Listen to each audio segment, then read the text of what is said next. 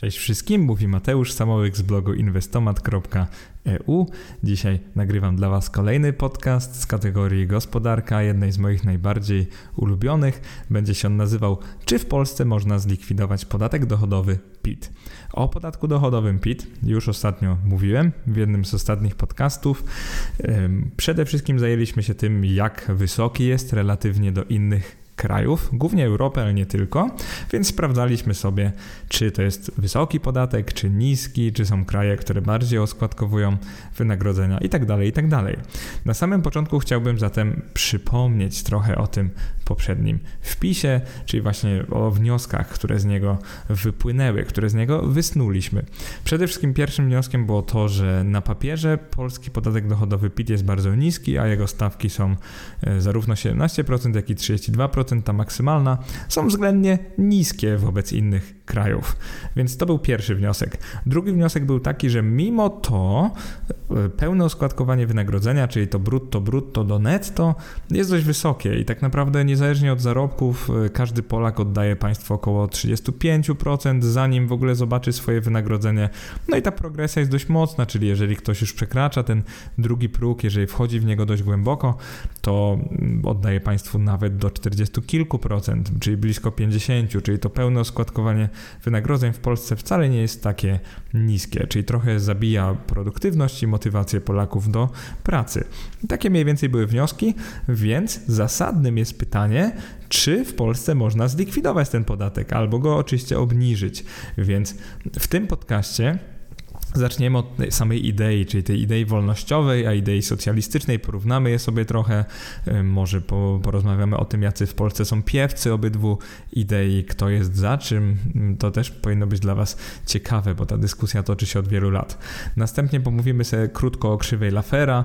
Pewnie wiele z Was słyszało o tej krzywej, o tej koncepcji, natomiast pomówimy sobie o tym, czy ona ma jakieś dowody. Spróbujemy sami może wyprowadzić taki dowód. No i zobaczymy, czy to jest tylko po prostu pomysł, który na serwetce kiedyś e, właśnie zapisał ten słynny ekonomista Laffer, czy to jest coś więcej.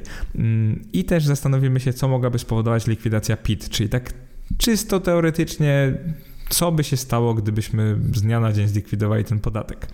W drugiej części podcastu będziemy mówić o państwach, które nie mają podatku dochodowego PIT albo mają niższą stawkę lub niższe stawki.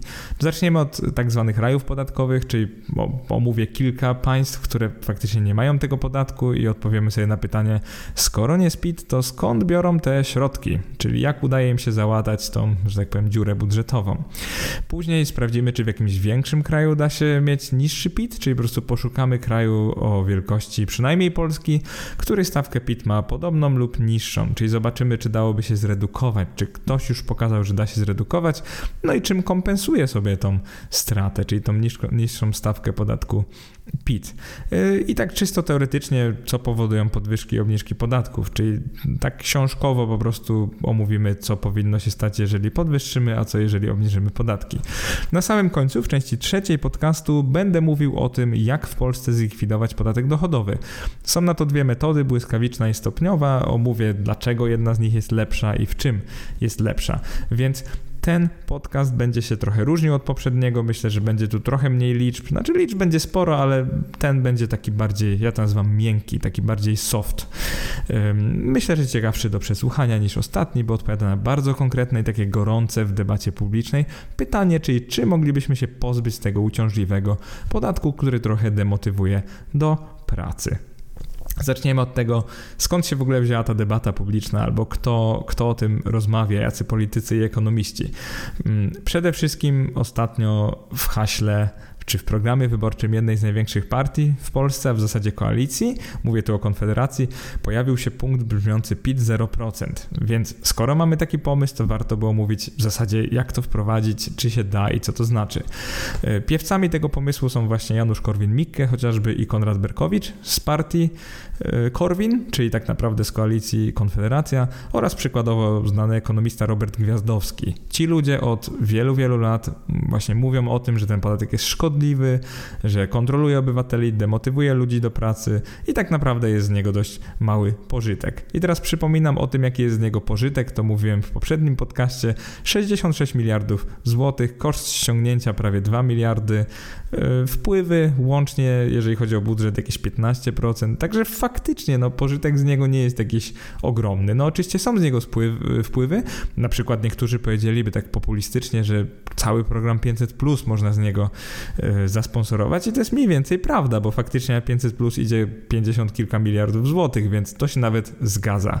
Jeżeli chodzi o przeciwników obniżania albo zniesienia podatku PIT, to będzie to na przykład Adrian Zandberg, to jest prezes partii Razem, czy Marcelina Zawisza y, z zarządu tej samej partii. Mm, we wpisie zamieściłem net linki do wywiadów z tymi osobami, gdzie po prostu mówią właśnie o swoim stanowisku, że powinno się wręcz go podnieść, że powinno się zrobić wyższą progresję, że na przykład e, wyższa stawka powinna być bliżej 50, a nawet 60%, a nie 32 i tak dalej, i tak dalej.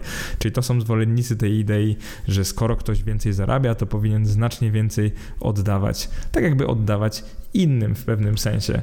No oczywiście pytanie brzmi, jak dużo oddaje się innym, a jak dużo po prostu gdzieś ginie mm, po drodze w tym, w tym budżecie. Tak naprawdę pytanie brzmi, co e, Skarb Państwa, co rząd zrobi z tymi pieniędzmi. To jest jakby najważniejsze.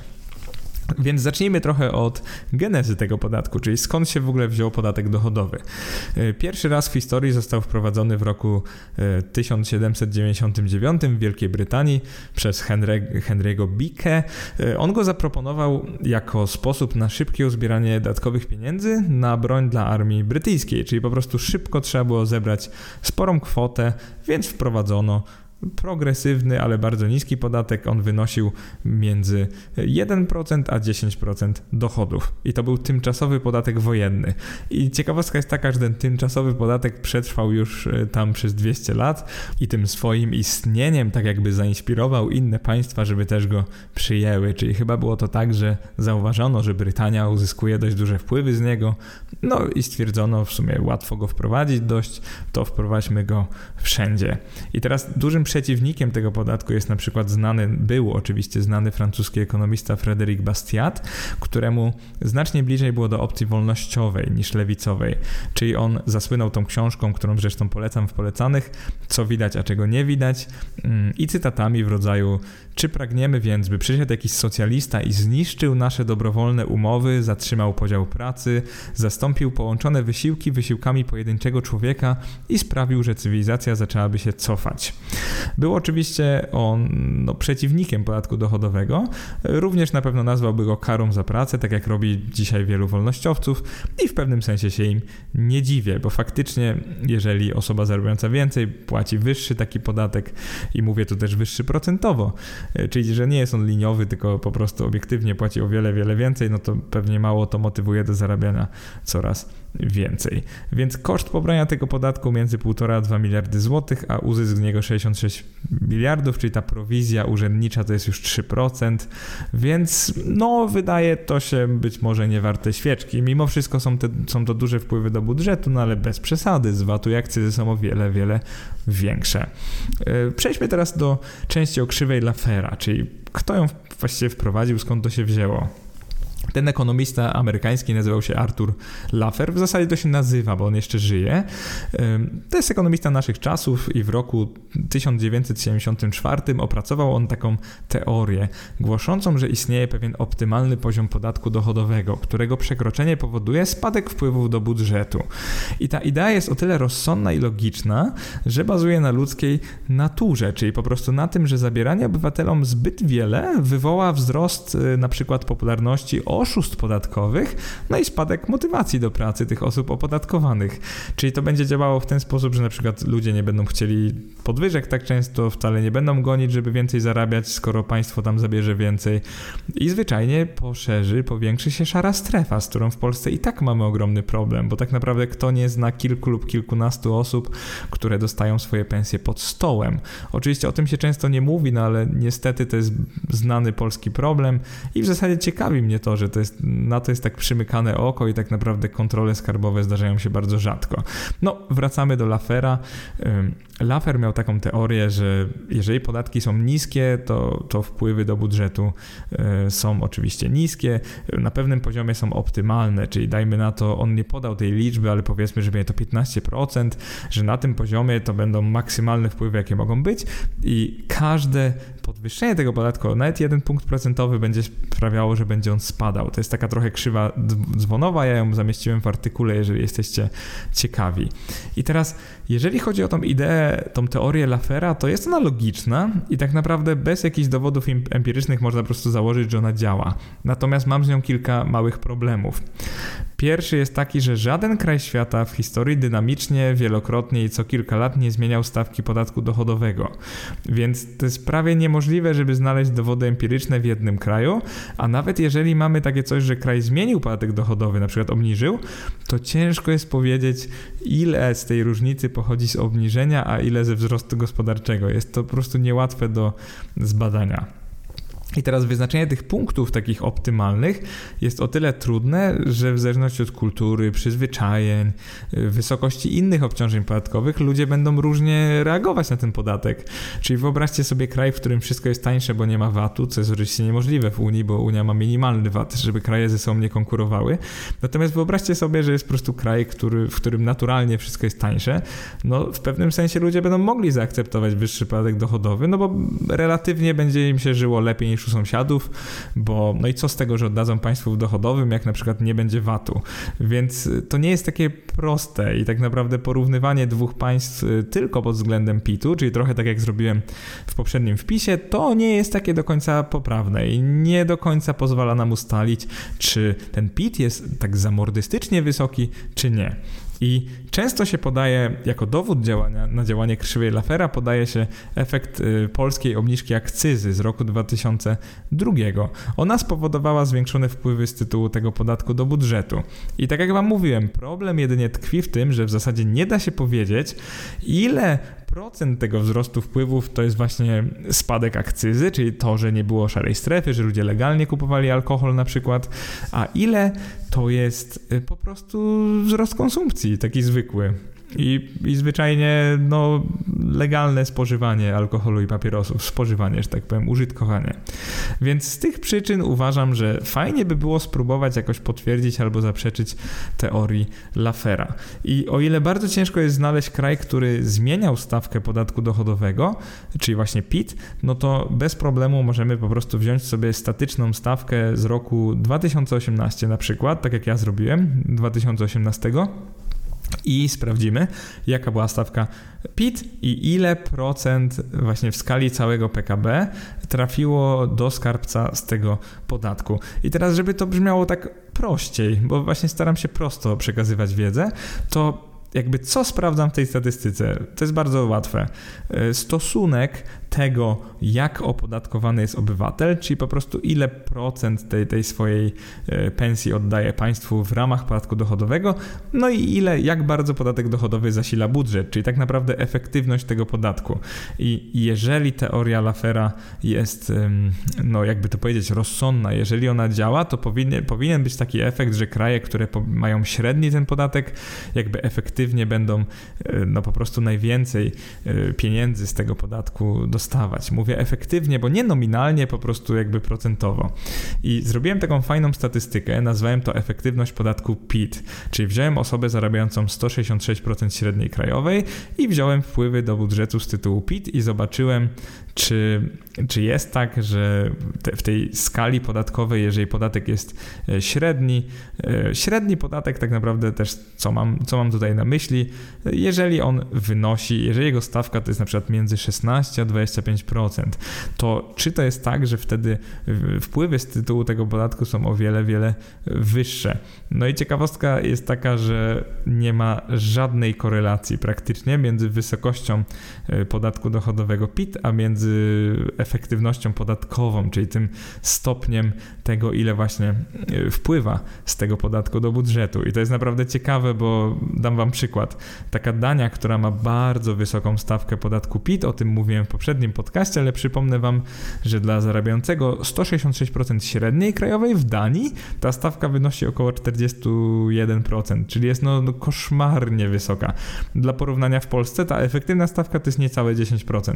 I ja to Wam tłumaczyłem właśnie w poprzednim podcaście, mam, mam nadzieję, że pamiętacie. Po prostu chodzi o to, że u nas te składki socjalne, no inaczej się nazywają, one obniżają Wam bazę, więc dochodowego nie płacicie 17% całej pensji, tylko jakieś 9-10%. W Danii jest to 41%. Mm, według Lafera wtedy Dania powinna mieć bardzo nieefektywny ten system podatkowy, czyli te wpływy powinny być bardzo niskie. Tymczasem w praktyce te wpływy są relatywnie wysokie i udowodniłem to właśnie we wpisie. Jest tam taka statystyka, jeżeli chodzi o efektywność ściągania podatku, to taka na przykład Dania i Szwecja, które obydwie posiadają no, wysoką tą stawkę, między 20 kilka a 41%, mają bardzo wysoką efektywność podatkową, czyli udaje im się ściągać ściągnąć y, no, dość dużo z tego podatku. Y, jeżeli chodzi w ogóle o efektywność podatkową, no to Polska tutaj jest też bardzo, bardzo wysoko. Y, tak naprawdę bardzo dużo udaje się otrzymać z tego podatku, zwłaszcza, że jest tak relatywnie niski. Mm, natomiast ciekawe jest to, że nie ma żadnej korelacji między stawką a efektywnością, czyli są po prostu kraje, które są bardzo efektywne podatkowo, a mają no, niską stawkę, a są takie, które są efektywne podatkowo, a mają wysoką stawkę. E, czyli to, co zauważyłem, to to, że tak naprawdę efektywność ściągania podatku wynika prawdopodobnie z czegoś więcej niż tylko jego wysokość. Czyli jeżeli się spojrzy przekrojowo na różne kraje, to absolutnie nie da się udowodnić działania krzywej Lafera. E, oczywiście to jest wielkie uproszczenie, bo ja sprawdzam tylko PIT, a nie wszystkie podatki, więc może gdybyśmy narysowali sobie taką krzywą i gdybyśmy sumowali wszystkie podatki, czyli wzięli pełne obciążenie, czyli również VAT i tak dalej, co jest bardzo trudne, tak naprawdę nie widziałem czegoś takiego, żeby ktoś zrobił, mm, może byśmy zobaczyli, że ta krzywa działa ponieważ logicznym, takim rozsądnym się wydaje, że krzywa Lafera no ma po prostu jakiś sens. Natomiast tutaj w tym podcaście, w tym artykule, no nie udało mi się tego niestety mm, udowodnić. I teraz kończąc pierwszą część podcastu, co mogłaby spowodować likwidacja PIT, czyli taka całkowita likwidacja, że pozbywamy się PIT-u z dnia na dzień. Z perspektywy pracownika, czyli wszystkich nas prawie, pensja brutto stałaby się w okamgnieniu pensją netto, czyli większość Polaków zaczęłoby zarabiać około 8 do 30 kilku procent więcej pieniędzy niż teraz, tak w praktyce. Po prostu wyobraźcie sobie, że wasza pensja brutto, czyli jeżeli zarabiacie średnią, to 5331 zł, trafiałoby na wasze konto jako netto. Czyli zamiast tych 3800 nagle byście zarabiali 1500 zł więcej, koniec, kropka. I oczywiście osoby na kontraktach B2B, czyli na jednoosobowych działalnościach gospodarczych, one też płacą PIT, y, czyli też po prostu przestałyby płacić ten liniowy 19% albo progresywny 17 lub 32%. Więc w praktyce każdy by miał w kieszeni trochę więcej. Jeżeli chodzi o pracodawcę, i tutaj są częste zarzuty, że oni by tak nie pozwolili nam więcej zarabiać, no to pracodawca tej zmiany bezpośrednio nie odczuje, bo tak naprawdę nie dotyczy ona składek socjalnych, natomiast wpłynie ona na oczekiwania pracowników wobec wynagrodzeń. Więc pracodawcy spróbują zatrzymać część tej pensji brutto dla siebie, tłumacząc, że pracownicy przecież się przyzwyczaili do trochę niższych pensji, więc jakby pewnie się podzielą trochę z pracownikami, że obniżą pensję brutto, tak że pracownik zarabiał może trochę więcej niż dotychczas, ale niekoniecznie dużo więcej. Mm, pozytywnym efektem ubocznym tego procederu będzie wzrost inwestycji firm, czyli będą miały więcej pieniędzy, i spółek, czyli spowoduje po prostu oszczędność na wynagrodzeniach. I dla tych z Was, którzy myślą, że całość tej różnicy brutto-netto zabierze sobie pracodawca, bo przecież pracownik się przyzwyczaił do tych swoich kilku tysięcy albo kilku tysięcy mniej, to chcę Wam tylko powiedzieć, że to nie do końca jest tak, bo nawet jeżeli pracodawcy zabraliby całość tej różnicy, że naprawdę nie zapłaciliby nam ani grosza więcej, byśmy zarabiali takie samo netto jak wcześniej, to powiem Wam szczerze, że to spowoduje inwestycje pracodawcy, zwiększenie liczby miejsc pracy, a więc większą konkurencję w kraju. No a większa konkurencja to jest wzrost wynagrodzeń wynagrodzeń, więc pośrednio i tak będziemy więcej zarabiać, czego by nie zrobili pracodawcy. Jeżeli chodzi o skarb państwa, zanotuje on ogromną redukcję przychodów z tytułu PIT będzie ona wynosić 66 miliardów, czyli po prostu spadnie do zera, więc około 430 miliardów, tak jak w tym roku planowaliśmy początkowo, że jakby zarobi Skarb Państwa, to w skarbcu pojawi się tylko 370 miliardów złotych, więc warto odnotować to, że to zostanie w kieszeniach Polaków, czyli oczywiście Polacy większość tego wydadzą, a jeżeli wydadzą, to zapłacą z tego VAT i akcyzę, czyli w praktyce jakieś 10-15% tej kwoty, czyli od jakiegoś 6 do 10 miliardów złotych, z pewnością wróci do budżetu mm, w postaci innego podatku. W postaci podatku VAT akcyzy, więc w praktyce ten spadek wpływów do budżetu raczej nie wyniesie pełnych 66 miliardów, tylko bliżej 50 miliardów. Tak będę optymistą jak zwykle, ale no i co, no utniemy trochę y, wpływy z PIT-u, ale przecież VAT i akcyza trochę to zrekompensują. Oczywiście podkreślam trochę, na pewno budżet straci dość sporo pieniędzy, powiedzmy to sobie szczerze wreszcie. Y, zacznijmy teraz część drugą, czyli te państwa, które mają niższy lub nie mają w ogóle podatku dochodowego PIT. I często się mówi właśnie o rajach podatkowych, które mają PIT w wysokości 0%. To jest prawda. Jeżeli chodzi o takie kraje na świecie, to na przykład Zjednoczone Emiraty Arabskie ze stolicą w Dubaju, PIT 0%, e, VAT bardzo niski 5%, populacja 10 milionów osób. E, kolejne kraje to jest na przykład Oman, Kuwait, Katar czy Bahrain i wszystkie te kraje mają podatek dochodowy od osób fizycznych w wysokości 0%, no a główne źródło to jest właśnie ropa. Są też tak zwane raje podatkowe, też takie turystyczne bardziej, to jest na przykład wyspy wyspy St. Kitts and Nevis, Nevis, y, one pobierają też 0% podatku dochodowego, utrzymują się głównie z cukru i turystyki. Y, Bahamy, Brunei czy Monako, tu jest podobna sytuacja. 0% podatku PIT, bardzo mała liczba obywateli i to jest o wiele mniej niż milion, zwłaszcza Monako, to po prostu jest śmiesznie mała liczba, mm, w dziesiątkach tysięcy y, można ją liczyć.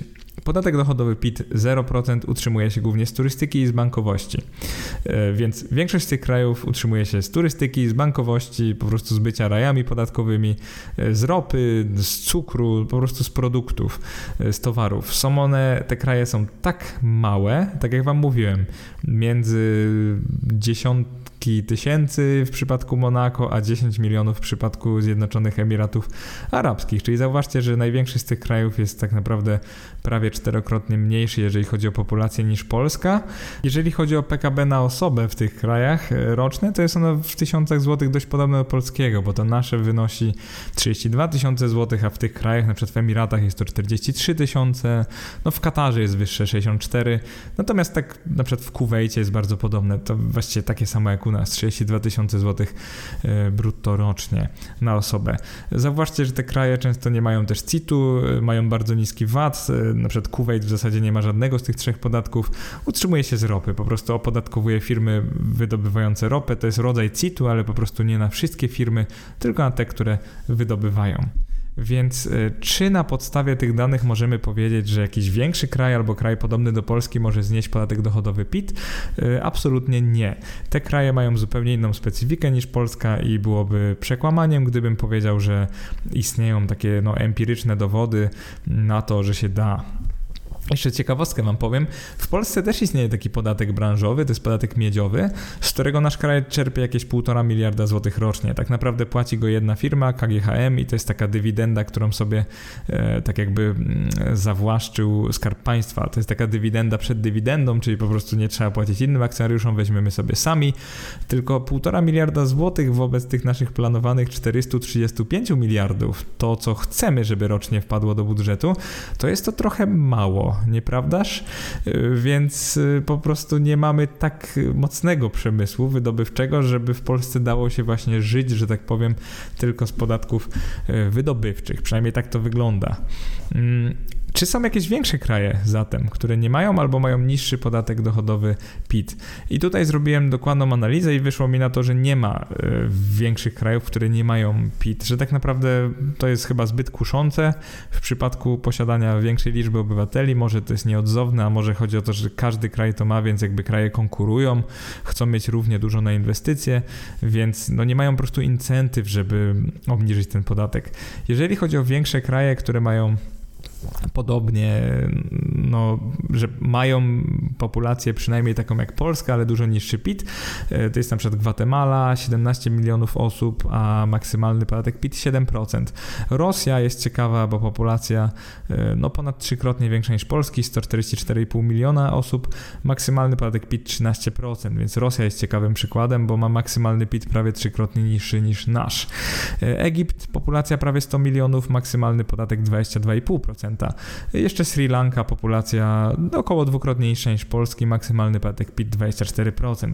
Więc tym samym chcę Wam pokazać, że da się mieć podobną albo większą populację i niższy PIT. Mm, I teraz pytanie na przykład taka Rosja. No to skąd Rosja wtedy czerpie środki, jeżeli nie z PIT-u? No bo skoro się ma PIT w wysokości 13% maksymalny, no to wiadomo, że z niego o wiele niższe wpływy y, będą do budżetu. Więc pytanie brzmi, skąd Rosja wtedy bierze pieniądze?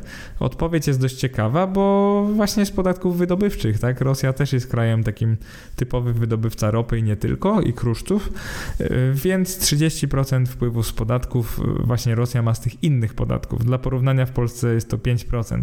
No i teraz patrzymy na PIT. Y, z PIT-u akurat i składek socjalnych Polska ma ponad 50%, a Rosja łącznie z PIT-u i składek socjalnych ma jakieś około 20%, żebyście rozumieli jaka jest różnica. Czyli taki obywatel nie odczuwa na co dzień takiego obciążenia podatkowego w Rosji, jak odczuwa e, w Polsce. Z drugiej strony Rosja w ogóle, jeżeli chodzi o procent PKB, który ma z podatków, jest to 20%, czyli Rosja nie jest taka powiedzmy zamordystyczna podatkowo. W Polsce jest to 35% aż PKB, czyli polski skarb państwa jednak no, łasi się na te pieniądze podatników i e, bierze ich całkiem sporo. Więc co dotychczas ustaliliśmy? Przede wszystkim to, że raje podatkowe to są często kraje z bardzo małą populacją i takie, które utrzymują się z takich specjalnych podatków, na przykład wydobywczych. I co ciekawe, ustaliliśmy też, że duże kraje mogą mieć niższy podatek PIT yy, procentowo, natomiast też mają wtedy jakiś inny podatek, który kompensuje te wpływy. Na przykład w przypadku Rosji będzie to też podatek od ropy, od wydobycia ogólnie różnych kopalin. Czyli tym samym w pewnym sensie nie udało nam się znaleźć kraju podobnego do Polski, który y, jakoś szybko by redukował ten podatek dochodowy i składki socjalne i to by dla nich działało i tym samym nie mamy na razie dowodów na działanie krzywej Lafera. Ale jeżeli chodzi o literaturę ekonomiczną, to przejrzałem całkiem sporo prac naukowych i mam dla Was y, takie ciekawe wiadomości, czyli udało mi się znaleźć trochę dowodów empirycznych na to, co powodują podwyżki i obniżki podatków. I to są ostatnie 80 lat, y, pełne zestawienie macie w linku we wpisie. Opisuje ono jednoznacznie, że zmiany stawek podatku PIT powodują pewne konkretne efekty. I zaczniemy od zwiększenia maksymalnej stawki PIT, e, które po prostu spowodowało spadek motywacji pracowników i ogólnej produktywności gospodarki. To jest bardzo ogólne stwierdzenie. Badania są ze Stanów Zjednoczonych z okresu ostatnich 30 lat. E, niemniej mamy też pewne liczby. Na przykład zmniejszenie stawki PIT w powojennych Stanach Zjednoczonych o 1 punkt procentowy e, powodowało wzrost PKB per capita o 1,4%, a później o 1,8% w, w kolejnym kwartale. Więc Y, no, jest to dość mocny dowód, czyli jeżeli y, spadek właśnie stawki PIT powoduje wzrost PKB, to wynika z tego, że ludziom chyba bardziej wtedy zależy na pracy, że jakby ludzie lepiej dysponują swoimi środkami, więc to jest pewien taki hint, pewna poszlaka. Jeszcze obniżenie stawki CIT, czyli tego Corporate Income Tax, czyli po prostu podatku dla korporacji, dla firm o 1 punkt procentowy w Stanach w analogicznym okresie y, powodowało wzrost PKB na obywatela jedynie o 0,4%, czyli wygląda to, że obniżanie PIT mm, bardziej się opłaca państwu niż obniżanie CIT, że, że jednak dobrze zostawić obywatelom jak najwięcej w ich portfelach.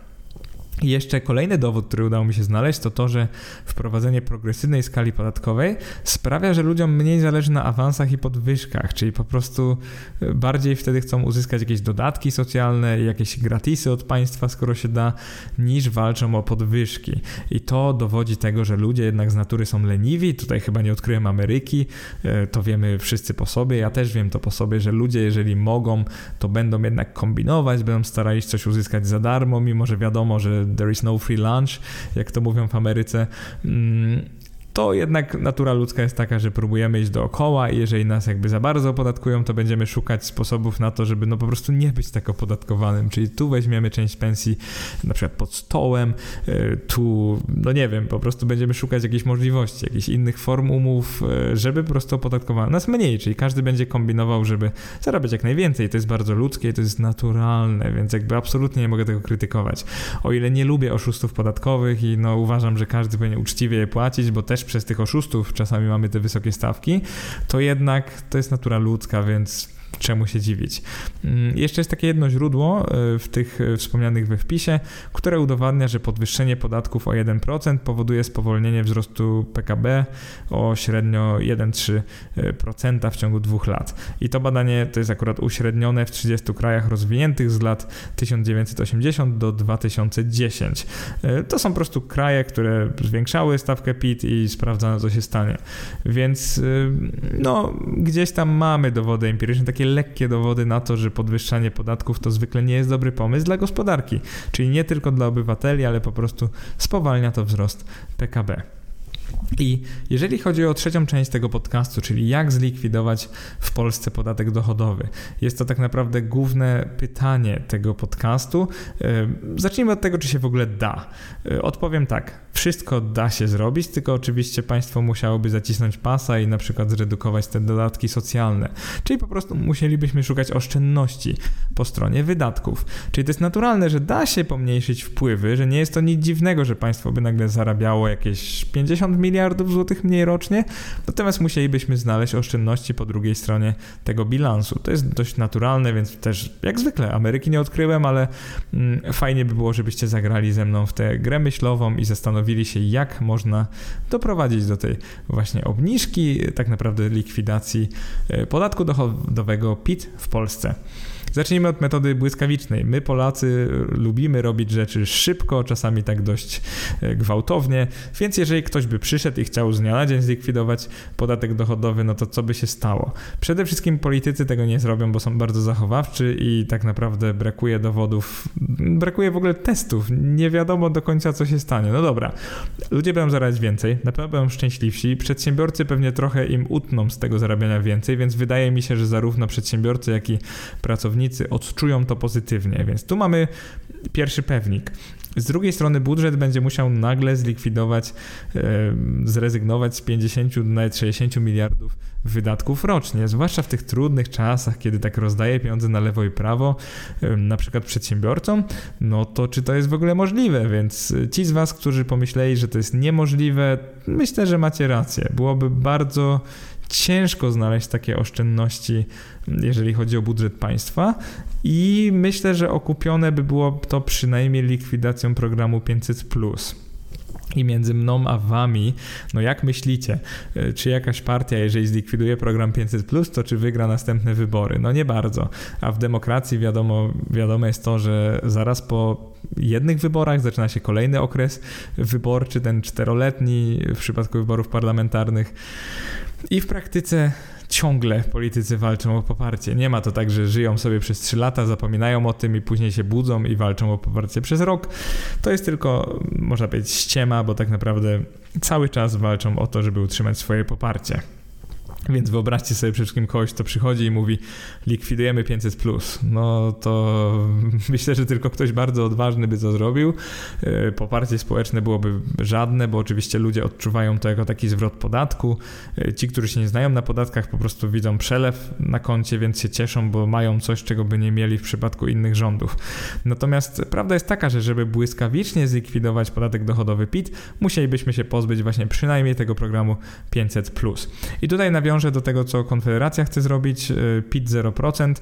E, fajny plan, natomiast też dobrze było, jakby wyjaśnili, e, jak chcą to zrobić. Oczywiście słyszałem te głosy o tym, że najpierw zwiększymy kwotę wolną od podatku, jest to bardzo rozsądne i o tym chciałbym teraz pomówić, czyli metoda stopniowa, czyli w jaki sposób stopniowo, powoli dałoby się dojść do likwidacji podatku dochodowego PIT. Czyli zamiast likwidacji takiej natychmiastowej od razu, chcielibyśmy stopniowo podnosić kwotę wolną od podatku na początku, a później na przykład usunąć drugi próg podatkowy, żeby nie było tego 32% w ogóle. E, ta metoda wydaje się bardziej rozsądna i dużo mniej bolesna dla budżetu państwa. E, jej przeprowadzenie sugerowałbym na przykład w ten sposób, żeby w pierwszym roku podnosimy kwotę wolną od podatku z tych 3000 zł marnych do na przykład 15 tysięcy zł rocznie. Czyli ta kwota dalej jest niska, budżet budżet nie odczuwa tego aż tak. Y, zrobiłem taką małą symulację i z tych, z tych 60 y, kilku miliardów złotych budżet oczywiście straciłby, ale straciłby jakieś kilka miliardów. Na kilka miliardów bez problemu można znaleźć gdzie indziej, więc myślę, że to jest dobry pierwszy krok. W drugim roku nie robimy żadnych zmian, zbieramy dane, sprawdzamy ten efekt, czyli sprawdzamy, y, czy więcej osób podpisało legalne umowy, czy to zachęca ludzi do pracy mm, i sprawdzamy też to właśnie, jakie były wpływy z podatków, czyli na przykład wzrosły przykładowo no to Lafer ma rację, y, spadły, no to może Lafer też ma rację, ale byliśmy jeszcze po lewej stronie tej krzywej i tak dalej, i tak dalej, albo już właśnie po prawej stronie w zasadzie, czyli już były za wysokie, więc niekoniecznie będą rosły. Zbieramy dane, zastanawiamy się.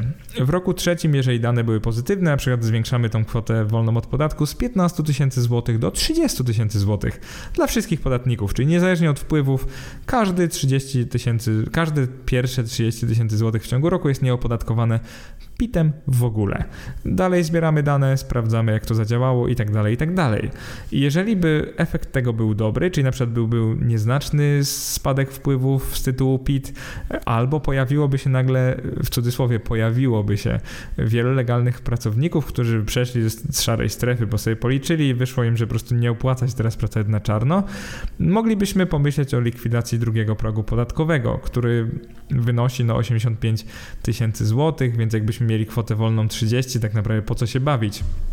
Czyli w tym roku piątym mielibyśmy kwotę wolną od podatku w wysokości 30 tysięcy złotych i nie mielibyśmy drugiego progu, czyli po prostu powyżej 30 tysięcy złotych każdy, niezależnie od zarobków, musi zapłacić 17% swojego wynagrodzenia yy, jako po prostu podatek dochodowy. Więc bardzo proste reguły, bardzo proste obliczenie, byśmy na pewno mogli oszczędzić na urzędnikach, ponieważ jedna stawka jest dużo prostsza niż wiele stawek.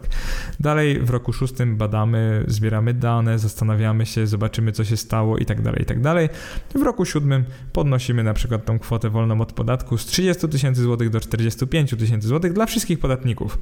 I w teorii w tym momencie jakieś 50% pracujących nie płaci podatku PIT w ogóle, a pozostała połowa płaci 17% od tej nadwyżki powyżej 45 tysięcy złotych.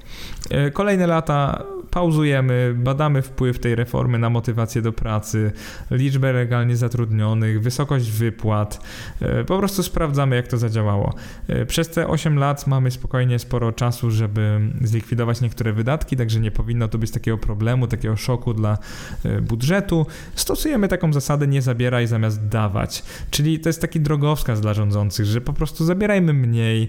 Ludzie to na pewno odczują, bo będą mieli więcej w kieszeniach. Oczywiście ludzie nie odczują tego jako przelewu od was, tylko po prostu będą mieli więcej pieniędzy, natomiast będą też je wydawali, będą wpływy z tytułu VAT-u, poziom motywacji pracowników pewnie będzie większy i tak dalej, i tak dalej. Dlatego jedna rzecz, z którą się bardzo zgadzam właśnie z Konfederacją, to jest to, że można by stopniowo, luzując po prostu tą kwotę wolną od podatku, stopniowo ją zwiększać, zwiększać, zwiększać, badać co się stanie, bo tak naprawdę nie trzeba żadnej odwagi, żeby z dnia na dzień zwiększyć kwotę wolną od podatku z 3 do 15 tysięcy złotych, bo tak jak wam powiedziałem, i tak większość podatników zapłaci bardzo sowity ten podatek dochodowy PIT i to wcale nie będzie tak, że ta jedna zmiana sprawi, że nic nie trafi do budżetu, ponieważ różnica tych wpływów wcale nie będzie jakaś ogromna. I mój przekaz właśnie do rządzących i też do Was jest taki, że warto by spróbować, warto by po prostu zacząć ją podnosić i zobaczyć, co się stanie. I zwłaszcza dlatego, że jest dużo krajów, które no, są jakby równie mało, powiedzmy, rozwinięte jak Polska. Polska się dopiero rozwija, a też mają tą kwotę wolną od podatku o wiele, wiele wyższą niż Polska, więc tak naprawdę nie ma wielu powodów, dla których nie warto by, byłoby spróbować. Mm, podsumowując ten wpis, Uważam, że wysoki PIT i składki socjalne faktycznie tłumią wzrost PKB, czyli te dane empiryczne, takie miękkie dane powiedzmy, e, uważam, że coś w tym jest, że jeżeli mamy pytanie, czy go podwyższać, czy obniżać, to raczej obniżać, ponieważ i tak nie jest on dominującym źródłem wpływów, którym jest VAT i akcyza. Natomiast no, nie motywuje on do pracy, tak? Jak jest duża progresja, jak coraz bardziej ludzie odczuwają ten efekt podatków, patrz osoba w drugim progu, która zarabia około 20 tysięcy złotych, nagle w pewnym momencie zaczyna oddawać prawie połowę pełnego wynagrodzenia od pracodawcy państwu. No to nie motywuje to do niczego, szczerze mówiąc. Natomiast wpływy do budżetu, jeżeli byśmy stopniowo redukowali ten podatek, na przykład właśnie poprzez podnoszenie tej kwoty wolnej od podatku, wcale nie będą spadały tak drastycznie. I teraz kim jestem, żeby to mówić? Jestem tylko prostym blogerem finansowym, natomiast wystarczy sobie to jakoś wy, wyestymować, policzyć. Myślę, że rząd spokojnie mógłby to zrobić, że mają oni na tyle przebiegów, żeby e, sobie to wyestymować. E, można by nawet, e, inna sugestia jest taka, żeby bardzo powoli zwiększać tą kwotę, że nawet nie trzeba jej zwiększać od razu do 15 tysięcy, można od 10, można, można tak naprawdę każdego roku o parę tysięcy. Robić to tak powoli, żeby rządzący mieli spokojnie czas, żeby sprawdzić, co się dzieje. Więc e, jako taki eksperymentator ekonomiczny e, chętnie bym właśnie polecił rządzącym, żeby dokonali sobie takiego eksperymentu na żywym organizmie, że po prostu ta zmiana nie jest taka drastyczna. Więc wnioski są takie, że na pewno warto jest zwiększać kwotę wolną od podatku. Nie mamy tak naprawdę nic do stracenia i to, co stracimy w tych wpływach do budżetu, to mówię wam, że wró- zwróci nam się tą efektywnością tym, że ludziom będzie zależało na pracy bardziej. Więc po prostu PKB prawdopodobnie przyspieszy, a nie zwolni wobec takiej zmiany. Bardzo Wam dziękuję że, za przesłuchanie tego podcastu. Mam nadzieję, że był ciekawy. Kategoria gospodarka, tak jak Wam zawsze mówię, jest jedną z moich najbardziej ulubionych. E, bardzo lubię nagrywać i pisać na te tematy, więc wielkie dzięki, że uczestniczycie w życiu bloga i tego podcastu i do następnego. Na razie.